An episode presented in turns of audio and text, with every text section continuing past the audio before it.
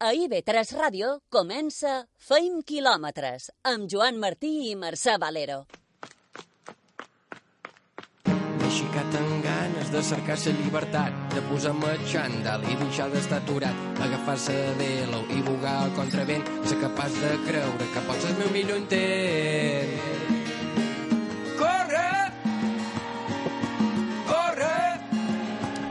I corre sempre mirant endavant, però mai oblidis el punt de partida.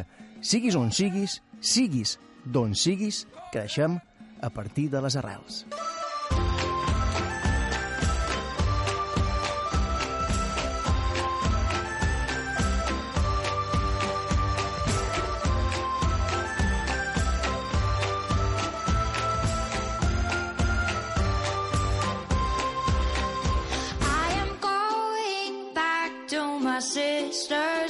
I això, sense oblidar d'on ve, no es cansa de córrer i triomfar pel món. És tot un expert en córrer maratons. Ha participat a les 5 més importants del món i fa molt poc s'ha penjat la medalla d'or a la Big Five Marathon, disputada per la jungla de Sud-àfrica. Parlarem amb Joan Pere Carbonell.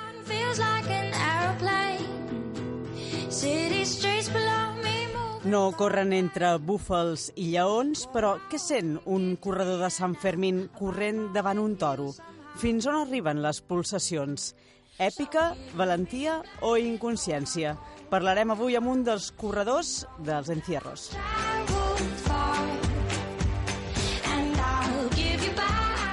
Important és la indumentària per un mozo mocador i faixa vermells, calçons i camiseta blanca i el diari de la mà el diari del dia a la mà. Parlarem amb Lucía Barca de la importància també d'escollir la roba a l'hora de sortir a córrer. La.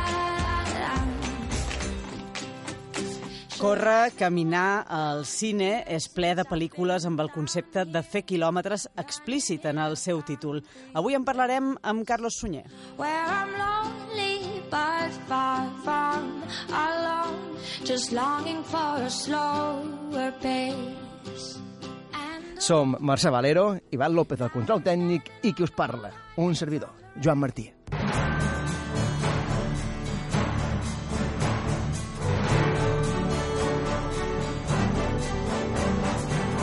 Miguel Ángel Fidalgo, subcampió a Vitoria. El triatló de mitja distància d'aquesta localitat que va guanyar George Goodwin i això que Fidalgo diu que no va tenir el millor dia, però tot i així, com dèiem, segon classificat d'aquest prestigiós triatló. Biel Company i Ateneri Tour triomfen a la comuna de Bunyola. A la tretzena edició de la cronoescalada, que forma part de la Lliga Balear de Curses per Muntanya, gairebé 150 persones varen participar en aquesta prova de 4 quilòmetres 900 metre- metres i un desnivell de 580 metres. Xisca Tous, campiona d'Espanya de quatló a Banyoles. Va ser la més ràpida d'aquesta prova, que cada any és més exigent i té més nivell. Per cert que eh, ha fet doble podi Xiscautous, perquè això va ser ahir diumenge, i dissabte va guanyar la medalla de bronze en el Campionat d'Espanya de triatló sprint.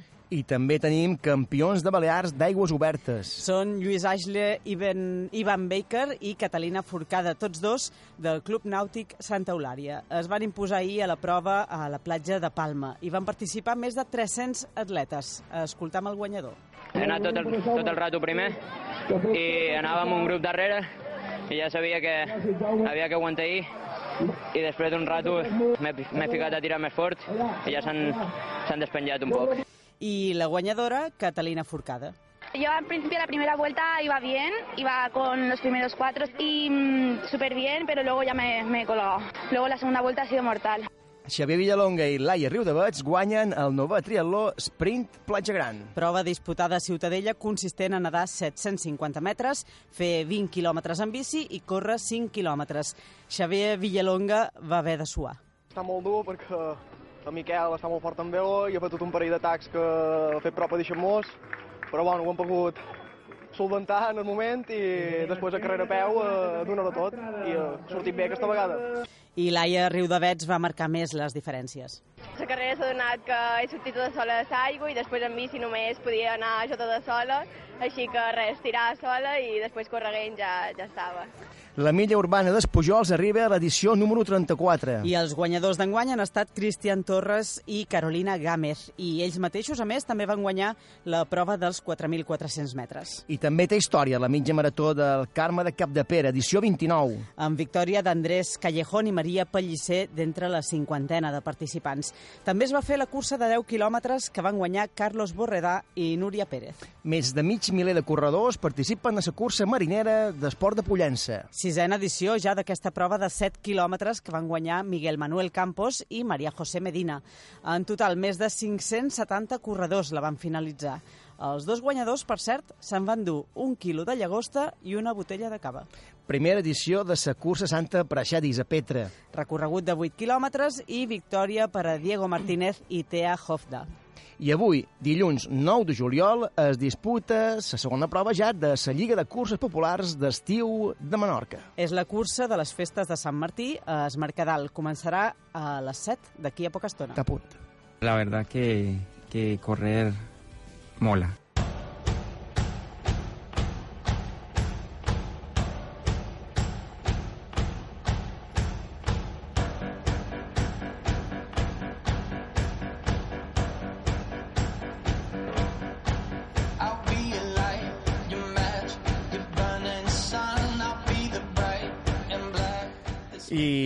Mos pots trobar aquí, a Petra Ràdio, i també som a les xarxes socials. A Instagram, a Twitter, a Facebook i a Spotify. I també tenim pàgina web, feinquilometres.com, on hi penjam les notícies i les entrevistes que fem aquí al programa. I a Spotify tenim la llista FKM, Feint Quilòmetres, on penjam tota aquesta bona música que sona en el programa. Thousand clapping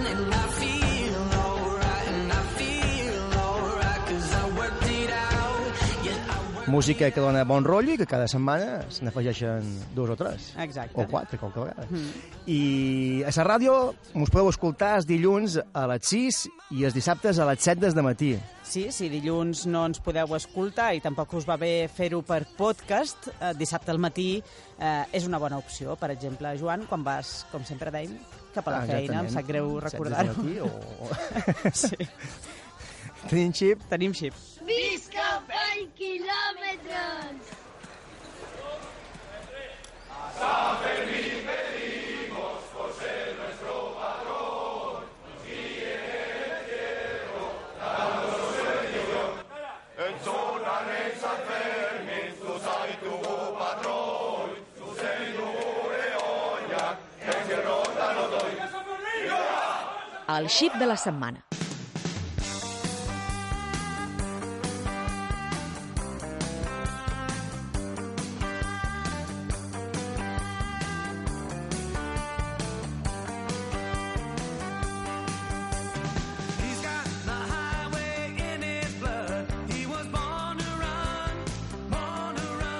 El xip de la setmana és un dels corredors més coneguts als encierros de Sant Fermín. Parlam amb César García. Ell és de Junquera de Henares, de Guadalajara, i avui ha participat ja al tercer encierro. Bienvenido, César, al programa Fein Kilómetros. Hola, buenos días.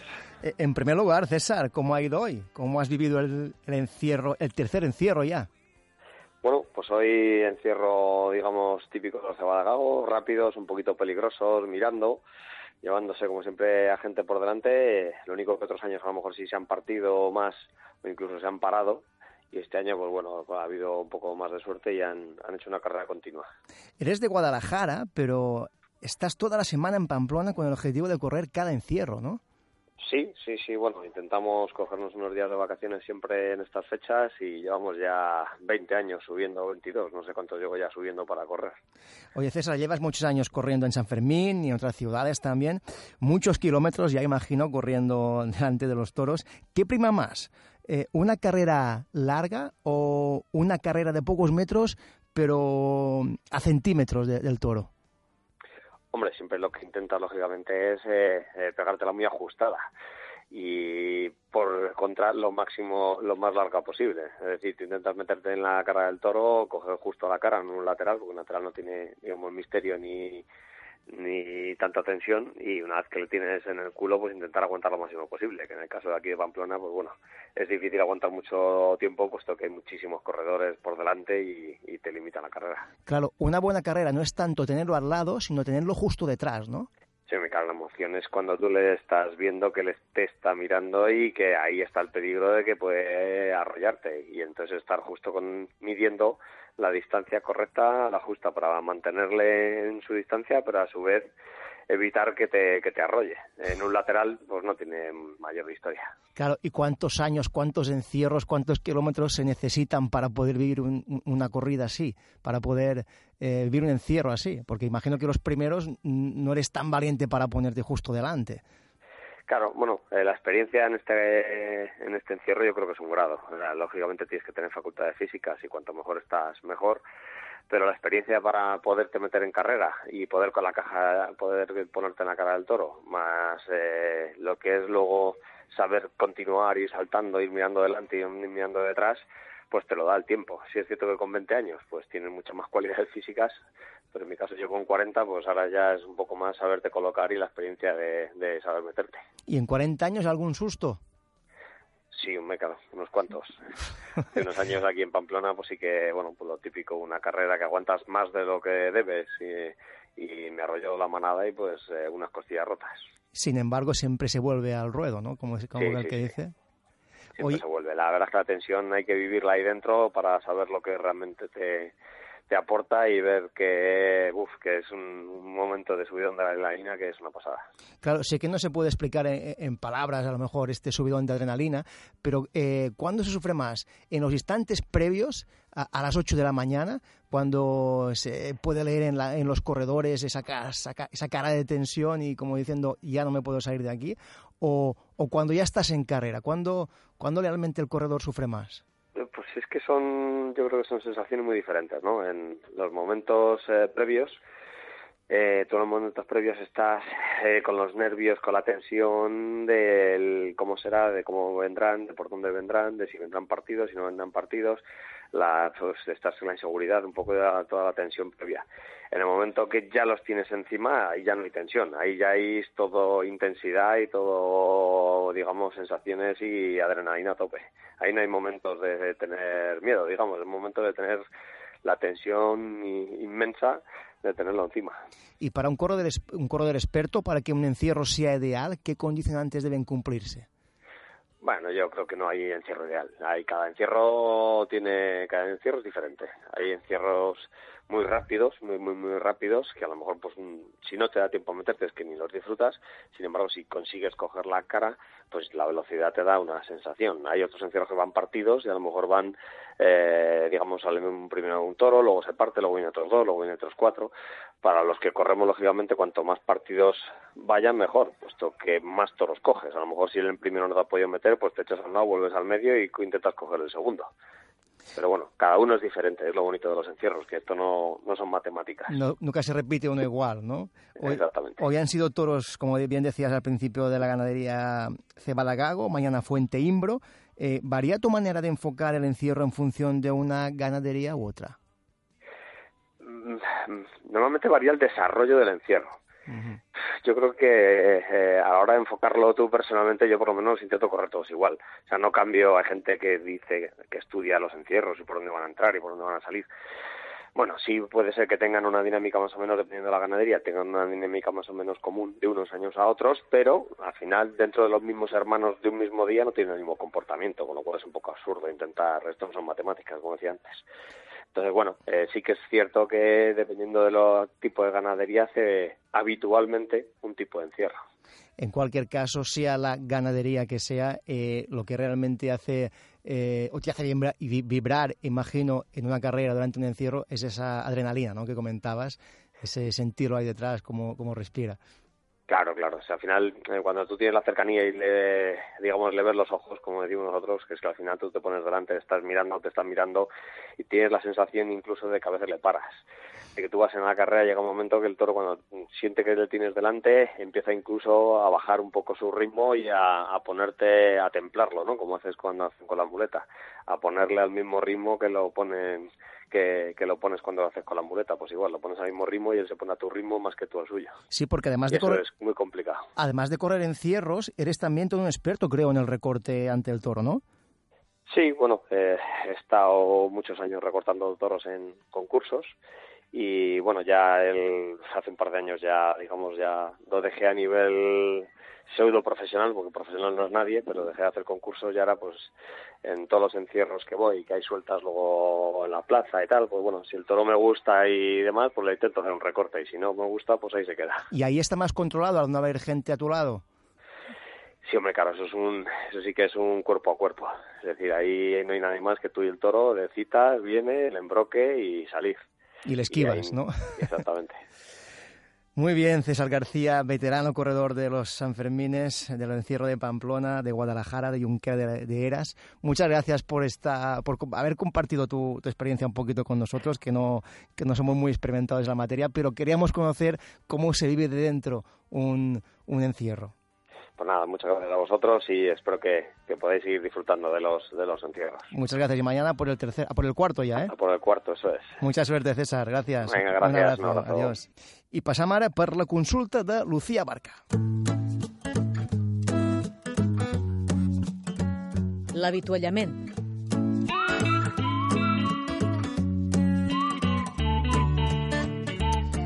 Obrim consulta, tenim ja Lucía Barca, fisioterapeuta, infermera esportiva i coach nutricional de Menorca Trainers. Benvinguda, Lucía, a fent quilòmetres. Hola, hola, ¿cómo estáis? Molt bé, i tu? Muy bien. Has corregut mai davant un toro, tu? Mm, los he visto desde la barrera. Escolta, dèiem ara, si uh, un mozo de Sant Fermín ha d'anar ben vestit, com Déu mana, Mhm. calçors blancs, Ah. camia blanca, mocle vermell, el diari del dia uh, a sa mà per córrer... El diari de Navarra, Ah, exactament, molt bé, el diari de Navarra. Uh, què necessita un corredor per dur la roba adequada?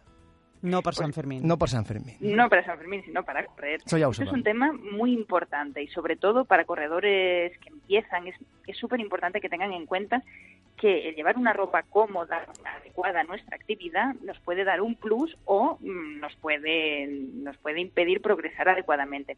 Lo primero que debemos tener en cuenta, uno de los principales factores, es que sea transpirable. Esto es una cosa muy importante. Durante la actividad, la temperatura corporal aumenta gradualmente generando calor, que eliminamos pues, a través del sudor, como ya sabemos. Por tanto, es necesario eso, que tengamos una ropa bien transpirable que nos permita eliminar el sudor y mantener la piel fresca y seca para ir cómodos y evitar fricciones, fricciones y rozaduras que tantos problemas traen a los corredores. Si, si anem per parts, quines altres característiques hem de tenir en compte, per exemple, quan elegim camiseta?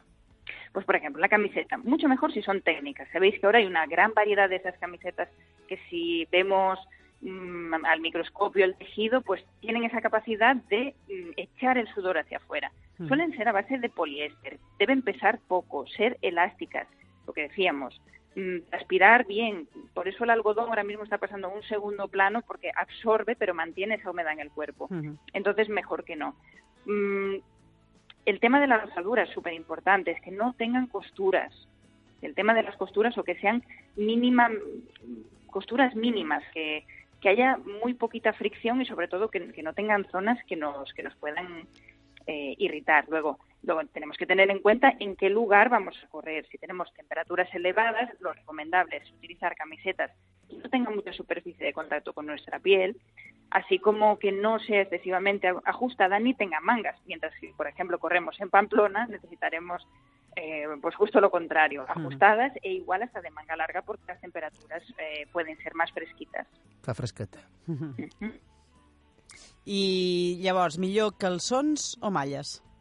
¿Qué os parece? Vosotros que también sois corredores, ¿con qué corréis? ¿Con mallas o con pantalón ancho? Mm, jo depèn de la calor que fa. Jo depèn de l'època de l'any. Sí. Si és en hivern, amb malles llargues, Exacte. si és en estiu, quasi sempre en calços curts. Jo també. Eso es, pues lo hacéis muy bien. Es lo correcto. Mallas o pantalón. És que faim un programa. tiene que notarse. En función de la temperatura, en función de, de la época del año. Luego también depende, todas estas cosas damos unas recomendaciones generales, pero depende de cada corredor, como ya sabéis, cómo vaya más cómoda. El tipo de, eh, de pantalón tipo malla suele ser más cómodo que otro tipo de pantalones más anchos por el tema de que se ajusta más al cuerpo, son elásticos. Son ideales para temperaturas más fresquitas, pero tenemos la versión de en pantalón corto, en malla corta, que Mm. también se puede utilizar, mm, pues por ejemplo, cuando tenemos una competición o una carrera o simplemente queremos salir un rato y estamos con temperaturas mayores como ahora mismo. Todo esto ya, como bien decía John, depende del clima y depende también de, de la hora a la que vayamos a salir a correr, ¿no? El tema es que seamos prudentes, por ejemplo, con el uso de chándal convencional, que nos puede apretar la cintura, zonas de fricción. Eso sí que tenemos que tener en cuenta que eh, tenga poquitas zonas de fricción y que no nos aprieten la cintura. Eso Ah, con mira. respecto a las mallas. I ja sé que se'n podria fer una tesi doctoral sobre aquesta pregunta que te faré ara, però quines bambes són les més adequades? Esta es la pregunta del millón. Elegir zapatilla deportiva. Ya veis que en tiendas tenemos hasta mm, plataformas que nos miran si somos pronadores o supinadores. Es un mundo. Yo creo que para elegir unas buenas zapatillas es fundamental que tengamos en cuenta qué tipo de corredor somos, cuántos kilómetros hacemos, nuestro peso, nuestro ritmo, si llevamos plantillas de podólogo o no, en qué superficie vamos a correr. En función de todo esto debemos dejarnos asesorar por un profesional que nos indique la zapatilla que es mejor. Si llevamos zapatillas de podólogo, que nuestro podólogo nos indique más o menos el tipo de, zapatilla ade- adecuada. Si no, hablar con nuestro entrenador. Ellos también nos pueden eh, asesorar acerca de qué tipo de zapatilla y luego mm, ir probando, porque van saliendo cosas eh, muy interesantes al mercado que también mm, nos pueden beneficiar. Luego, en nuestra tienda de referencia también nos pueden dar información, pero esto sabéis que a veces puede ser un puede ser un poco confuso porque todas todas las marcas van sacando cosas muy modernas y también es cuestión de, de ir probando, pero sobre todo eh, cuando vayamos a comprar zapatillas, mm, que no sea algo rápido, hay que tomárselo con tiempo, probar las dos, atarlas bien y hacer pruebas, caminar por allí, porque realmente es muy importante llevar una zapatilla cómoda. Es Esto co- para los corredores noveles es, es clave. Mm, Los veteranos ya sabemos que muchas veces con una simple visión ya eligen la zapatilla adecuada. Sí, per aquells que comencen i aquelles que, que, que comencen és complicat a vegades perquè com que els hi donen mil referències, mil possibilitats, que si pronador, que si eh, quants quilòmetres fas, n'hi ha prou amb aquestes, clar, això crea ta- bastants dubtes i costa elegir sempre que les primeres, les primeres bambes. Després, quan ja has escollit les que te van bé, quasi, quasi ningú canvia, tothom es manté amb, Sí, sí que amb, és amb aquell model. Sí, i són importants també eh, eh, triar els calcetins? son importantísimos. No sé si os ha pasado alguna vez ir a alguna carrera o, ir- o salir algún día y ponerte un calcetín de esos que no habías probado y que te hagan una ampolla. ¿Os ha pasado? Una i cinc, sí, Sí, sí, sí, sí, en, sí. Carrera, I- en, carrera llarga sobretot. Y es incomodísimo. El calcetín es súper, súper importante. Un buen calcetín técnico, sin costuras, que no sean muy gruesos, como siempre decimos, transpirables y cómodos. Nos pueden evitar muchísimos problemas y rozaduras. De hecho, eh, parar o tener que detenernos en, en una carrera, porque ya os digo que es súper, súper limitante si aparece una ampolla o una rozadura por un calcetín. Así que, por favor, prestad mucha, mucha atención al calcetín que llevamos, tanto para entrenar como para competir. I, i com els calcetins, també la roba interior. También, también, eso es otro mundo y realmente también es importantísimo. A veces decimos, no, zapatillas, camiseta y pantalón. No, no, por dentro que va en contacto con nuestra piel es tanto o más importante. Por ejemplo, en el caso de que utilicemos ropa interior que esté incluida en los pantalones que vamos a usar, recomendar que sean de telas livianas, el tema de las fricciones, que lo probemos siempre en entrenamientos antes de las carreras. Y, por ejemplo, las chicas, súper importante escoger un buen sujetador deportivo que nos Mm. sea cómodo, que nos sujete bien el pecho y que también que no roce y que no apriete. Acordaros siempre, si un sujetador nos marca, nos deja marca en la piel, eh, es que va excesivamente prieto. En eso tenemos que tener en cuenta para, para ir cómodos e ir bien. Molt bé, important la roba a escollir per evitar molèsties i sobretot per anar còmodes i, i protegits. Molt bé, Lucía. La setmana que ve eh, de què parlam? ¿Qué os parece si nos pasamos al apasionante mundo de la fisioterapia y hablamos del dolor de cadera en corredores? Sí que es ve, hi ha molta gent eh, que pa- pateix aquest tipus de, de dolor quan corre. Molt bé, molt bé. Per la setmana que ve, per què alguns i algunes corredors pateixen aquest tipus de, de mal, de, de dolor de maluc o de, de cadera. Moltes gràcies, Lucía. Lucía Barca, fisioterapeuta, infermera esportiva i coach nutricional de Manual Trainers. La setmana placer, que ve mos tornem a sentir. Claro que sí. Adéu, un abrazo un beso. grande. Adéu, adéu. Adiós. Ara fem una aturada i tornem tot d'una. Zona d'avituallament. Tot d'una continua, feim quilòmetres. L'entrevista.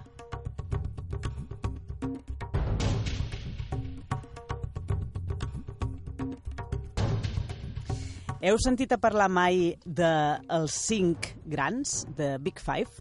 Són els cinc animals més famosos de l'Àfrica, el lleó, el lleopard, l'elefant, el rinoceron i el búfal. I què té a veure això amb fent quilòmetres?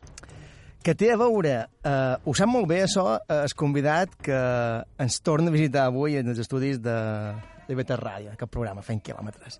Ell és campió de la Big Five Marathon, disputada a Sud-àfrica. Joan Pere Carbonell, benvingut una altra vegada a Fent Quilòmetres. Moltes gràcies, gràcies per convidar-me. Què és la Big Five Marathon? Uh, realment corres entre tots aquests anima animals? Bueno, realment sí, no és que corris eh, eh, juntament, eh, els tinguis de vora, perquè la carrera està bastant controlada. No és Eh, que te perseguesquin, eh? No, no, no, no, no. Tu durant la cursa no els veus, és més, no els vols veure. Uh, està, tot i que jo em pensava que era una cursa que estaria, uh, bueno, que sí, que seria per un safari, però que estaria tal vegada ballada, un poc més de, de, de, de, de, de, de distància dels animals, i de no. O sigui, tu cors per on ells se passegen, o sigui, estan allà, eh, allà de fer nosaltres, el dia abans van fer un, un safari per allà, i veus eh, tots els animals que hi ha, tots els que anem a la ciutat estan allà. El que passa que eh, els, eh, rangers, els, els, qui duen els, el manteniment de safari estan allà vigilant cada dos, tres quilòmetres hi ha un jeep amb un, amb un ranger d'aquest que van armats i són els qui de qualque manera eh, controlen que els animals no estiguin a la zona per nosaltres estàvem correguent. Eh, tot i això són animals, vull dir que en qualsevol moment Clar, I el fet d'anar davant davant la cursa, tu obries pas. Eh, ets el primer que haurien trobat si te'n trobes qualcun de, de, davant davant, no? Clar. Hi pensaves amb això? Clar, és, això és el que de qualque manera era un sentiment un- una, una mica estrany. Clar, vas primer, no, totalment inesperat, i per un altre costat, claro, si, si qualcú han detectat, penses que serà el primer que passi per allà. Però, bueno, eh, en certa manera, jo pensava, dic, si deixen córrer per aquí, és perquè ho tenen controlat, entonces te, donava certa tranquil·litat entre cometes, perquè, clar, tu per allà veus les tropitjades de- d'animals que, que, bueno, eh, han estat allà quan has estat? Fa cinc minuts, eh, però, bueno, eh, te- te- tens una tranquil·litat relativa. Eh, tu vas ser el més ràpid dels 127 participants que van acabar aquesta prova. La, la vas fer en 3 hores, 35 minuts i 49 segons. Va ser dur, perquè hem vist que el segon classificat, l'alemany Thomas Sperling, va tardar 13 minuts més a arribar a la meta. Va ser complicat per tu guanyar o, o tu vas veure fàcil al final?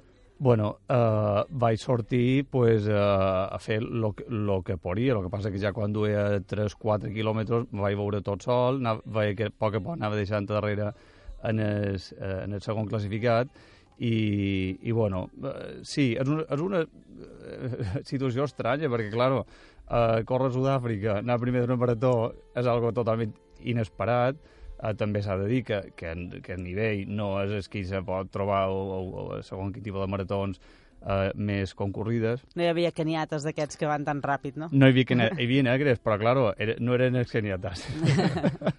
eren, uh, clar, jo tots estava un poc uh, assustat, però no, no, no eren...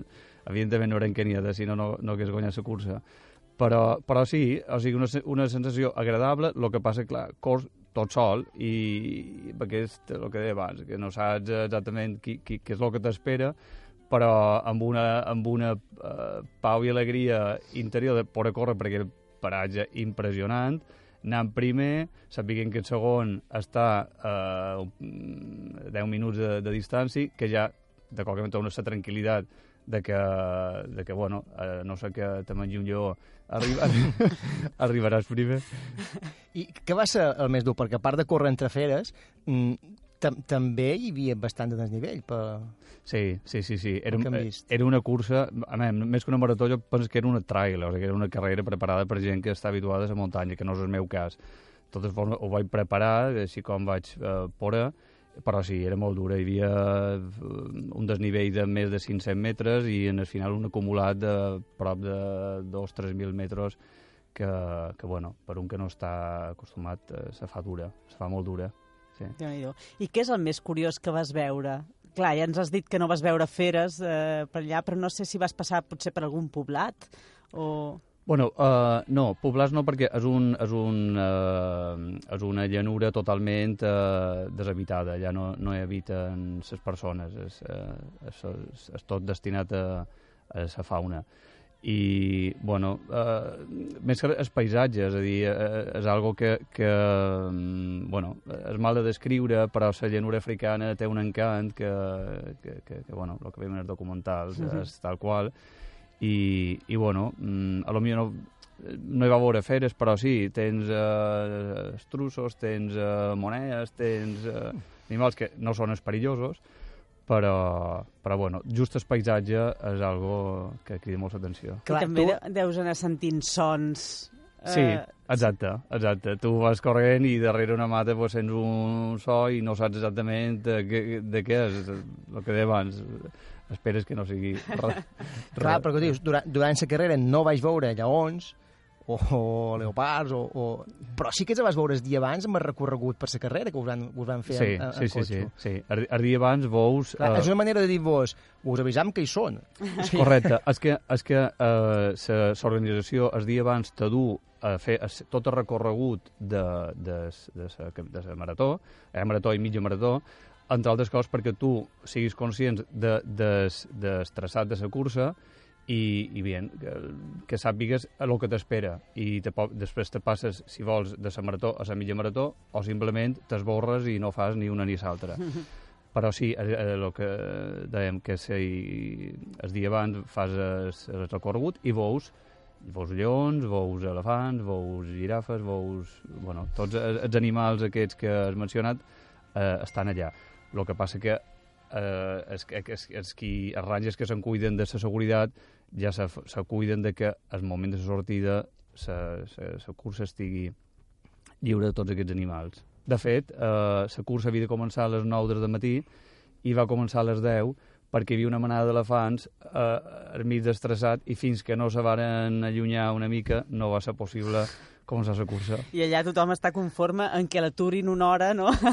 M'imagino, abans, abans que trobar-te la manada d'elefants. Evident, evidentment, inclús en el briefing que te fan abans de la cursa, eh, te- ja t'adverteixen que si un d'aquests rangers te diu atura, tu atures. És a dir, que, que no vagis de bromes, que si t'aturen és perquè eh, estàs en perill. Clar, jo, també una de les coses que m'ha preocupat quan anava primer, dic, ara només falta que me vengui un raig i me digui, atura, dic, joder, faig jo. Per una vegada, no? sí. I, i allà, el manco, quan feis aquest recorregut i us adverteixen de, tot, de tots els perills, hi ha aquell instant, aquell segon en què tu dius "Pff, jo no corro. Jo no corro, perquè tu penses en, qual, plantejar? en qualque moment. No, no, no, no, no. Més que la duresa de la cursa, que clar, quan dus 35 quilòmetres correguent per aquella edat, pues, sempre se passa pel cap, no puc més, però, i, i, però no, no se'm va passar Has dit, he vingut aquí a córrer He i a hemos córrer. venido a jugar Hombre, i anava- vamos, anava- vamos a jugar. i anava primer jugant, no, no, no, no. no, no, no, vull dir abans, abans de la carrera. El dia abans. El Ah, dia abans, el- sí. després de, de, de veure recorregut i de saber eh, real, realment el que te pots trobar en el camí, que diguis, uf, anem a fer una altra visita de, de, per natura o per allà on sigui, però que corri una altra, que, que hi ha molt de perill. No, no, perquè dones per fet que si deixen córrer és perquè hi ha un mínim de seguretat. Hombre, estem a Àfrica, vull dir que no, no, no, no estem a, a una, això, a per una això, ciutat. sí, sí, sí. Tot pot passar, però no, no se m'ha passat per cap. No, que va tot il·lusionat de, de, de poder participar. córrer per allà, és a dir, encara més motivat. Sí. Parlam amb el mallorquí Joan Pere Carbonell, guanyador de The Big Five Marathon, una marató que es disputa per la sabana africana, però tu també has fet altres proves curioses que ja, ja ens explicaves l'altra vegada que vas venir aquí en el programa. Per exemple, fa dos anys vas ser quart a la marató per la, per la muralla xinesa. Uh, per tu, fer una marató normal té al·licient? Sí, a veure, anem a veure. Hi ha d'haver Uh, alguna cosa més. Eh? Sí, sí. Uh, jo fins ara, el que he fet, bueno, fins fa dos o tres anys, feia maratons normals, és a dir, les que coneixem uh, habitualment, i, i sempre uh, m'ha agradat competir contra jo mateix i intentar fer cada vegada una millor marca. Entonces anava fent maratons normals, sempre cercant la marató més ràpida per fer bon temps.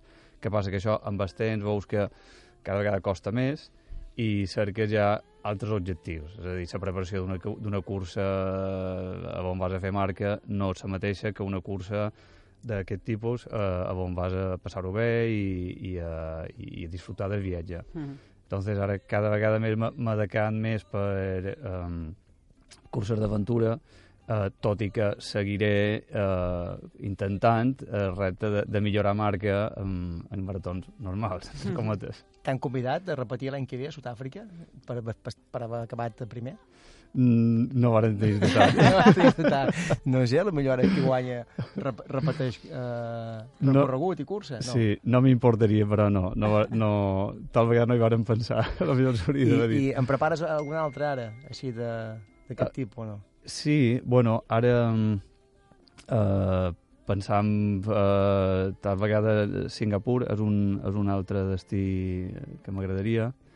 I, i, bien, i també a lo millor de setmana Albatros, que eh, Albat- Albatros Adventure Marathon són els que organitzen aquestes maratons més d'aventura. Eh, tenen altres destins com poden ser Antàrtida eh, poden ser um, Petra Mm. i, i bé, Bagan, que jo també els vaig fer amb ells, eh, eh, es- això és a Vietnam, Mhm. i, i, i bueno, tal vegada, però bueno, ja córrer a Antàrtida, tal vegada hauré d'anar tot sol, no, no crec que m'acompanyi. Clar, això anava a demanar ara, perquè tu, tu participes a maratons d'aventura, eh, però aprofites per descobrir el món, no?, i per conèixer nous, nous llocs, i no hi vas tot sol, te'n vas sempre amb la teva dona, amb família, amb amics, i aprofitar per fer un viatge un poc eh, entre tots, no? De... Sí, sí, sí. Tinc la sort de tenir amics que els agrada molt viatjar i ells m'acompanyen. Ells no, no, no, habitualment no corren, però m'acompanyen a, en el viatge. Clar, això fa que, que el viatge sigui molt més Clar. entretengut. Molt bé, Joan Pere Carbonell, guanyador d'aquesta Big Five eh, Marathon per sa, per Sud-àfrica. Qui t'ho havia de dir, tu, eh? de, No, de Sud-àfrica i guanyarà la marató. No, no, no, és, és, sona estrany, és, és molt estrany. De, de fet, una vegada eh, va de la cursa vaig cridar a els meus pares i, i mon pare encara és sort que no s'ho creu, m'ha dit. Molt bé. Uh, T'esperam a la propera, quan tornis de... Quina està que has dit? La de... Sí, Singapur. Singapur, Sí. quan tornis a Singapur, i també m'ho expliques, perquè són aventures que s'han de, s'han de donar a conèixer aquestes. Encantat d'assistir en el vostre programa, que m'agrada molt, és un molt bon programa, enhorabona. Gràcies, Joan Pere, guanyador d'aquesta Big Five Maratons. Ha corregut entre elefanys, lleopards, lleons, rinocerons i búfals. No els ha vist mentre corria, però hi eren. Una abraçada. Gràcies. Adéu. Gràcies. I ara anirem a publicitat i tornem tot d'una. Zona d'avituallament. Tot d'una continua, feim quilòmetres. La pel·lícula.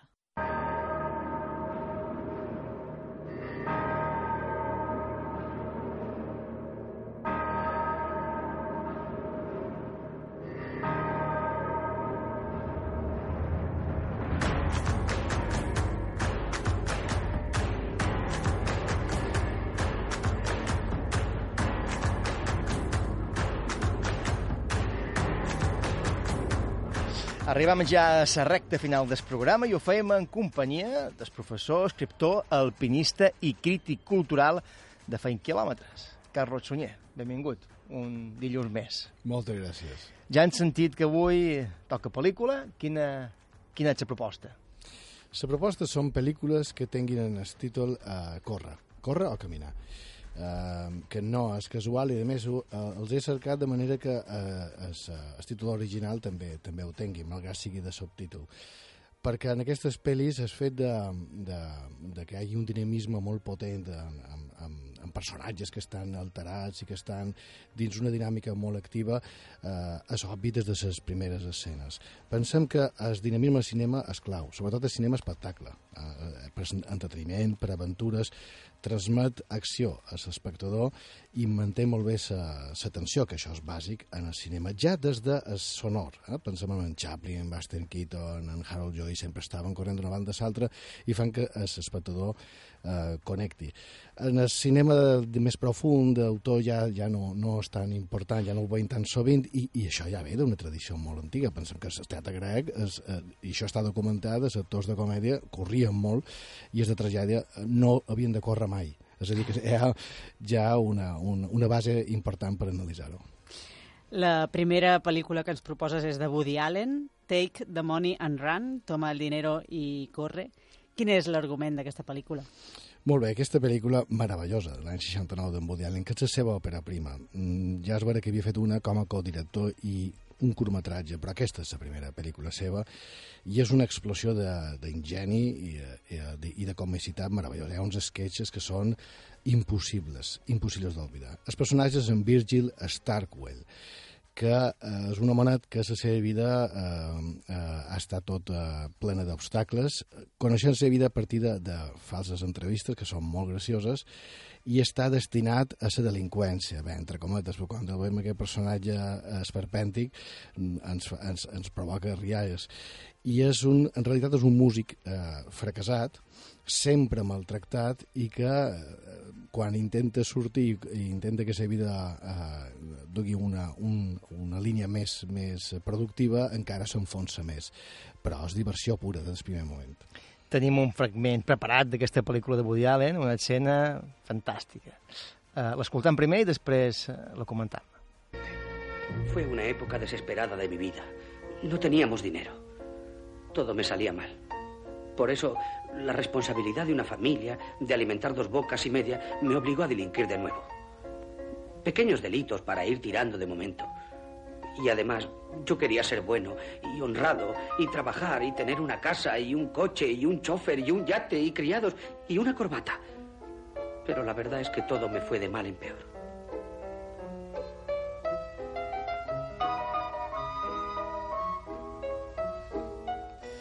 El millor és veure la imatge que acompanya aquesta narració. Què, passa aquí, Carlos?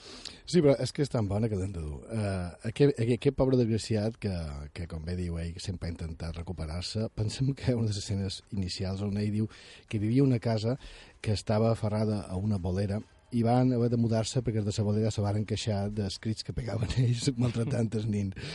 I així ha acabat. En aquesta escena ell decideix fer un robatori i a, a fer a, a, a atracar, bé, atracar. Uh, veiem clarament com ell s'acosta a poc a poc a una joieria i eh, amb un eh, batejant el vidre, fent un quadradet molt perfecte, mirant la joia, eh, i en el moment que té el vidre en sa mà eh, s'assegura que ningú el vigila i comença a córrer amb els vidres. I que roba...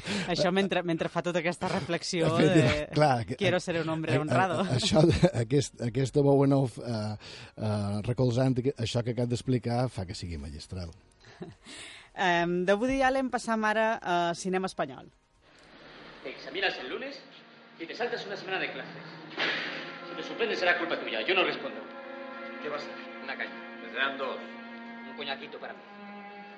¿Qué pasa hoy, paisano, que no tiene parroquia? Es que ya se sabe. Es la hora.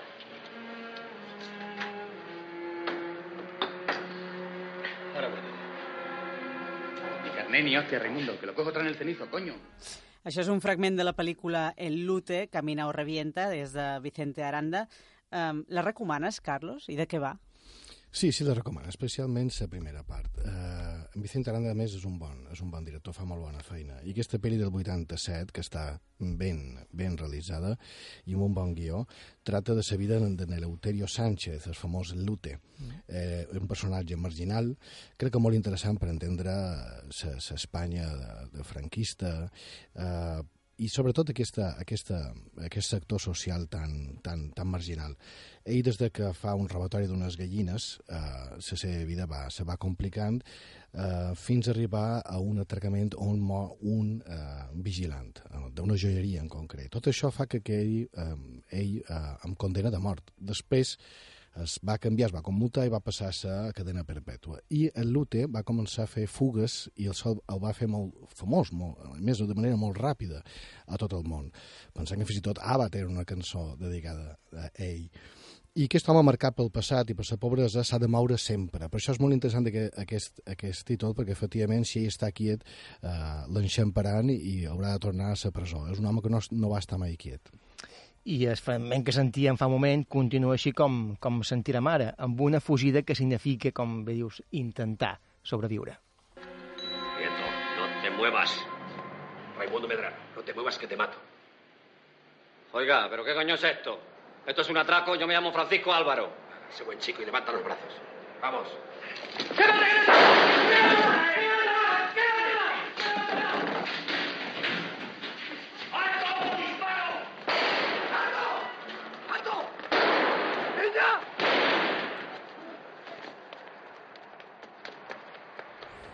És una escena molt ben realitzada, més molt realista, eh, és una violència creïble, explícita, i aquesta tensió que viuen ells, que personatge dins d'aquesta cafeteria, eh, fa que l'espectador quedi, quedi atrapat. Eh? Jo crec que està molt ben fet, i més amb pocs canvis en el muntatge, molt lineal, i aquí aquesta tensió eh, transmet molt bé eh, la necessitat del personatge de sempre fugir, que això és la clau, per això tornen aquest títol, no? Sempre corre, a la mínima corre, i no, no, ni se li passa per cap entregar-se. Eh, és interessant i fa que, a més, puguem fer un estudi sociològic d'aquest tipus de personatges. Seguim parlant de pel·lícules que en el títol tenen la paraula córrer o caminar i que això és significatiu dins l'argument. La tercera és Apunta, dispara i corre, de Peter Hyams. Haz lo que sea, pero salgamos de esta enseguida, ¿de acuerdo?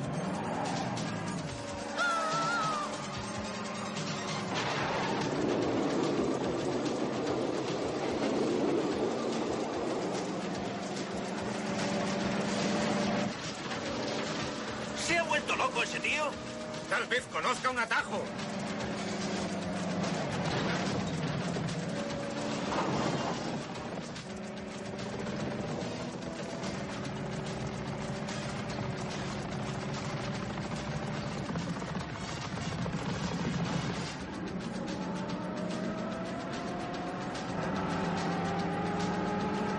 És estressant, eh? Només de sentir-la. A més, aquesta música sona com una mica com a videojoc, també. Eh, sí. Sí, recorda un poc l'equip A, també, eh? Sí, També, sí, sí. sí, sí. una Època Similar, similar sí. És una pel·lícula en què tot passa ràpid, no? Tot passa ràpid. A més, és, a part de que s'ha amfetamínica i molt energètica, eh, és una pel·li molt dels, dels 80. Eh, té també en el títol original Running Scared, eh, corrent assustat, i, i efectivament és així. En tota la pel·li eh, els personatges eh, estan d'una banda a l'altra perquè intenten resoldre un cas que és el darrer cas perquè ells han decidit retirar-se, són dos polis. Per cert, un dels actors és en Billy Crystal, que sempre fa bones interpretacions, i aquests dos policies, després d'una experiència massa perillosa, varen decidir deixar-ho. Però abans havien de resoldre aquest cas. I clar, aquest cas els durà a mil i una situacions on eh, ens arrosseguen nosaltres com a espectadors a totes bandes de la ciutat per intentar trobar una, una, una solució. Sempre estan perseguits, a vegades, després persegueixen ells, i crec que està molt bé. És vera que és un precedent de moltes pel·lícules tòpiques de, dels 80, però aquesta era de les primeres que fa aquest tipus d'acció, amb aquests sintetitzadors constants que sentim de fons, que efectivament a Marcel li fan recordar els videojocs. és un muntatge molt accelerat, una acció encadenada, i la sensació de, de descontrol i de comicitat també, amb molt d'humor, eh, està molt ben feta. Va, la darrera. Uh, acabam amb Rates a la carrera. Rates a, a correcuites, és títol en català. De què és aquesta pel·lícula i, i quin és l'argument? Aquesta, aquesta pel·lícula està bastant bé. És de- d'en Jerry Zucker de l'any 2001. Pensem que aquesta, a part que havia fet Aterriza como puedas, històries d'aquestes, però també té Ghost, té pel·lis que estan, que estan ben elaborades. I el que té molt bo són bons actors, perquè clar, trobam en Rowan Atkinson, per qui no ho sàpigues, és gran eh, intèrprete de Mr. Bean, eh, John Cleese, eh, de, de Monty Python, és a dir, hi ha un repart molt interessant. La idea és, és, és bàsica i, a més, es, està arrelada clarament a El Mundo está loco loco de l'any de l'any 63, que és d'una... Bé, un, l'amo d'un- casino proposa a, a un grup de gent, un grapat de gent molt variat i molt interessant, cada un d'ells, fer una cursa per arribar a Mèxic, concretament a l'estació Silver City. Allà hi ha una de les taquilles, una maleta, eh, a una distància de 900, de 918 quilòmetres en 100 milions, 100 milions de dòlars.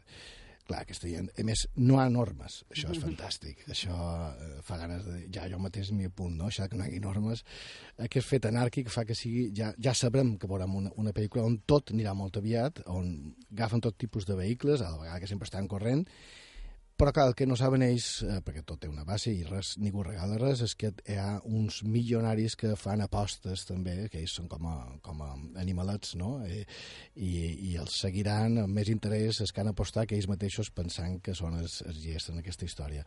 Però eh, és, és acceleració de tots ells i la diferència de situacions que van visquent recorda un poc los autos locos també eh? Sí, sí, sí, sí, I, sí, sí. idees d'aquestes que sempre enganxen perquè són fàcils però, però a la vegada atractives Tot això queda més o menys resumit en el, en el tràiler de la pel·lícula, que en anglès és Rat Race. Seis desconocidos están a punto de alcanzar. Dos millones de dólares. ¿Quién? La ocasión de su vida. El primero se lo lleva todo. Es como una carrera. Ah. Es una carrera. Por tierra. ¡Taxi! ¡Oh! ¡Qué mal! ¡Qué mal! ¡Tachán! Está bien, no se ha hecho nada. Por aire. Solo quería saludar a mi novio. ¡Ah! ¡He venido al mal momento! Por donde sea necesario para llegar primero. ¿Ardillas? Buscamos la interestatal. Estarán todas perdidas. Ya veo que van a toda pastilla. ¿Eh? ¿Quién quiere irse a casa con las señoras, eh? ¿Sabe dónde está la interestatal o no? Este otoño. ¿Una parada en boxes? Hay un lavabo atrás. Pero la cerradura está rota. Podría entrar alguien. Al fin y al cabo no verá nada que no haya visto ya. No esté tan seguro. Lánzate.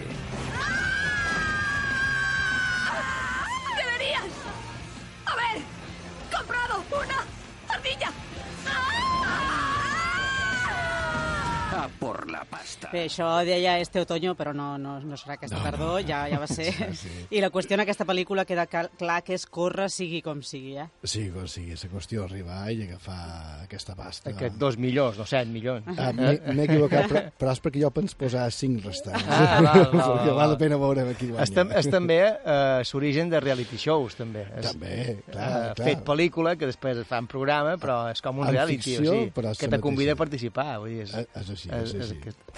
Molt bé, pel·lícules que duen en el títol la paraula córrer o caminar. Aquesta ha estat avui la proposta cinematogràfica d'en Carlos Sunyer a 100 quilòmetres. La setmana que ve més, Carlos. La setmana que ve, aquí vendré, corrent. Eh? Molt bé. Adéu. Adéu, gràcies. Adéu. I fins aquí el programa d'avui. Ben variat, eh? Sí, és que, bueno, és que hi ha moltes maneres de fer I quilòmetres. tant, ja ho hem vist. Molt divertida també aquesta darrera pel·lícula, eh? Rat Race o Rates Sí. a correcuita, en català també. Sí, i en castellà, Rates a la carrera o El mundo está loco, Com? a Hispanoamèrica, sí, ho diuen així. I tant, ben tronat. Adeu i fins la setmana que ve. Well, I wake up in the morning each and every day. And I sit down at the table and I hear my daddy say, Life is Life is nothing but a slap in the face. Life is nothing, it's a nothing. Life is nothing but a fat rat race. Oh, yeah, yeah. Oh, yeah, yeah. Oh, yeah, yeah. Oh, yeah, yeah. Every night I have a dream that you're taking off your dress. The only thing you're wearing is a button on your chest. And the button. Life is nothing but a slap in the face. Life is nothing, it's a nothing. Life is nothing but a fat rat race. What